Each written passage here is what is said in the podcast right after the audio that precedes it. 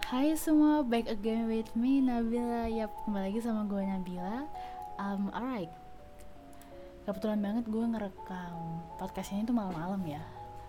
Oke, okay, pada episode kali ini, episode Bill Rooms kali ini gue bakal bahas tentang feels unfair. Di mana lo merasa ketidak ketidakadilan pada diri sendiri. Merasa dunia tuh nggak adil gitu. Karena semua hal yang udah kita lakuin selalu nggak sesuai dengan keinginan maupun ekspektasi. Terkadang kita mungkin pernah kepikiran gak sih, hidup tuh bener-bener nggak adil sampai kita selalu ngebandingin nasib kita sama nasib orang lain. Yang mungkin dibalik nasib keberuntungan yang orang lain dapat tuh pasti ada kerja keras kan di balik itu semua. Gue punya pernyataan simpelnya sih, mungkin ketika ulangan nih, teman sebangku dapat nilai lebih besar, di saat itu mungkin lo mikir kenapa sih kok nilai dia lebih gede gitu nggak real banget padahal gue udah ngerjain serius dan niat. Alright simpelnya gini ya teman-teman. Ketika kita mengalami kegagalan cobalah buat nggak berhenti cuma di tahap itu doang. Coba tuh bener-bener untuk terus berjuang sampai lo dapet apa yang apa yang lo pengenin apa yang lo cita-citakan sampai bener-bener yap actually nyampe di target tersebut. Karena serius nih ya setiap kegagalan yang kita alamin tuh sebenarnya jangan dianggap apa ya, jangan lu tanggapi dengan tanggapan yang negatif. Selalu ditanggapin dengan penerimaan. Karena ketika kegagalan tersebut benar-benar emang buat down ada juga sih satu hal yang nggak boleh kita lewatin yaitu evaluasi. Di mana kita mencari setiap detail-detail kesalahan kita mencari detail-detail kesalahan yang mungkin secara tidak sengaja kita lakukan di saat proses pencapaian target yang kita sedang lakukan teman-teman. Gue ada tips sih sebenarnya. Yang pertama coba kalian terapin mindset bahwa hal baik tuh bakalan datang di waktu yang tepat. Karena ada nih pepatah yang mengatakan bahwa great things come to those who wait. Artinya hal yang baik datang kepada mereka yang menunggu. Simpelnya gue mikir bahwa ketika gue nganggap ketidakadilan yang terjadi tuh proses di mana yang emang bener-bener gue tuh lagi dipersiapkan untuk menerima hal baik tersebut. Contohnya yang seperti gue bilang kayak di awal mungkin mungkin hari itu nilai ulangan lu jelek tapi bisa jadi di minggu depan nilainya besar. Tapi harus diingat juga ya semua nggak ada yang instan. Semuanya pasti butuh effort usaha yang harus lo lakuin buat itu. Misal lo mau dapet nilai fisika 100 ya lo ngelakuin apa? Lo ngulangin materi mungkin atau belajar di rumah atau lo ikut les sampai benar-benar lembur. Pokoknya harus ada effort. Oke okay, kita lanjut ke tips kedua yaitu jangan merasa kita tuh paling menderita gitu. Seakan-akan merasa bahwa aduh masalah gue ini parah banget nih udah nggak bisa didiemin gue udah sedih banget nih kayak gini kayak gini bla bla dan macam-macam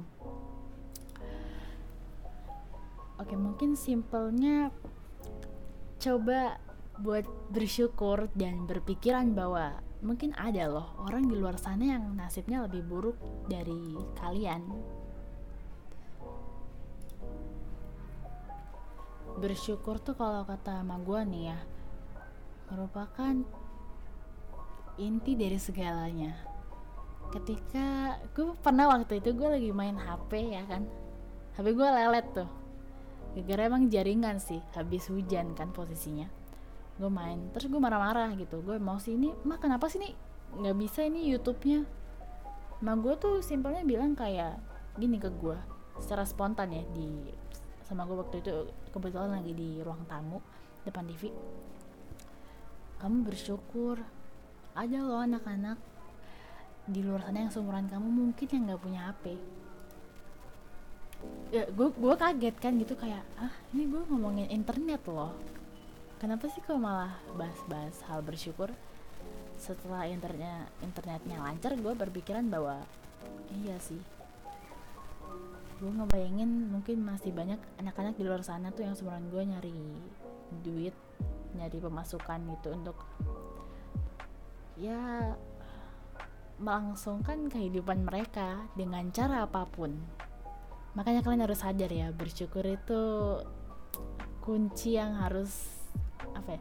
Udah jadi reminder sehari-hari. Alright?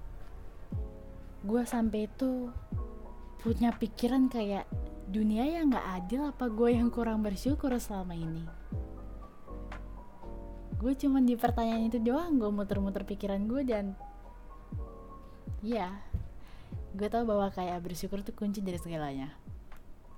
Oke okay, tips ketiga adalah mengurangi rasa iri. Aduh jujur deh ya kalau rasa iri tuh bertebaran di mana-mana seriusan. Ketika lu ngeliat teman lu yang kayak astaga dia menang olimpiade terus pinter banget. Oh dia cantik banget. Aduh keluarganya gini keluarganya gitu. Ada rasa iri nggak? Pasti ada kan kita tuh sampai ada rasa keinginan buat jadi orang lain tersebut. Gue pengen lah jadi cantik. Gue pengen jadi famous. Gue pengen jadi apa ya, orang yang perfect dan segala macem.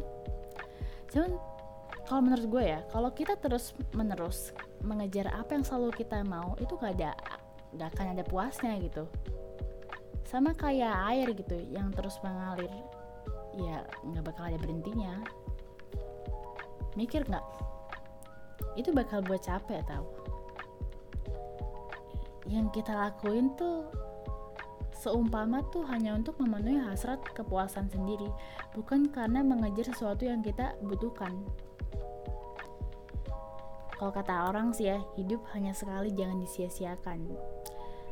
Oke, gue barusan baca, Confucius tuh pernah mengatakan bahwa sebetulnya hidup ini mudah, tetapi kitanya saja yang membuat hidup ini menjadi sulit. Dan kalian tahu gak sih, perasaan iri tuh cuma dapat menimbulkan emosi yang negatif, yang di mana setiap saat tuh akan selalu membuat diri kita tuh merasa tertekan. Dan efek di samping rasa iri tersebut kita susah buat bersyukur dengan keadaan kita sekarang.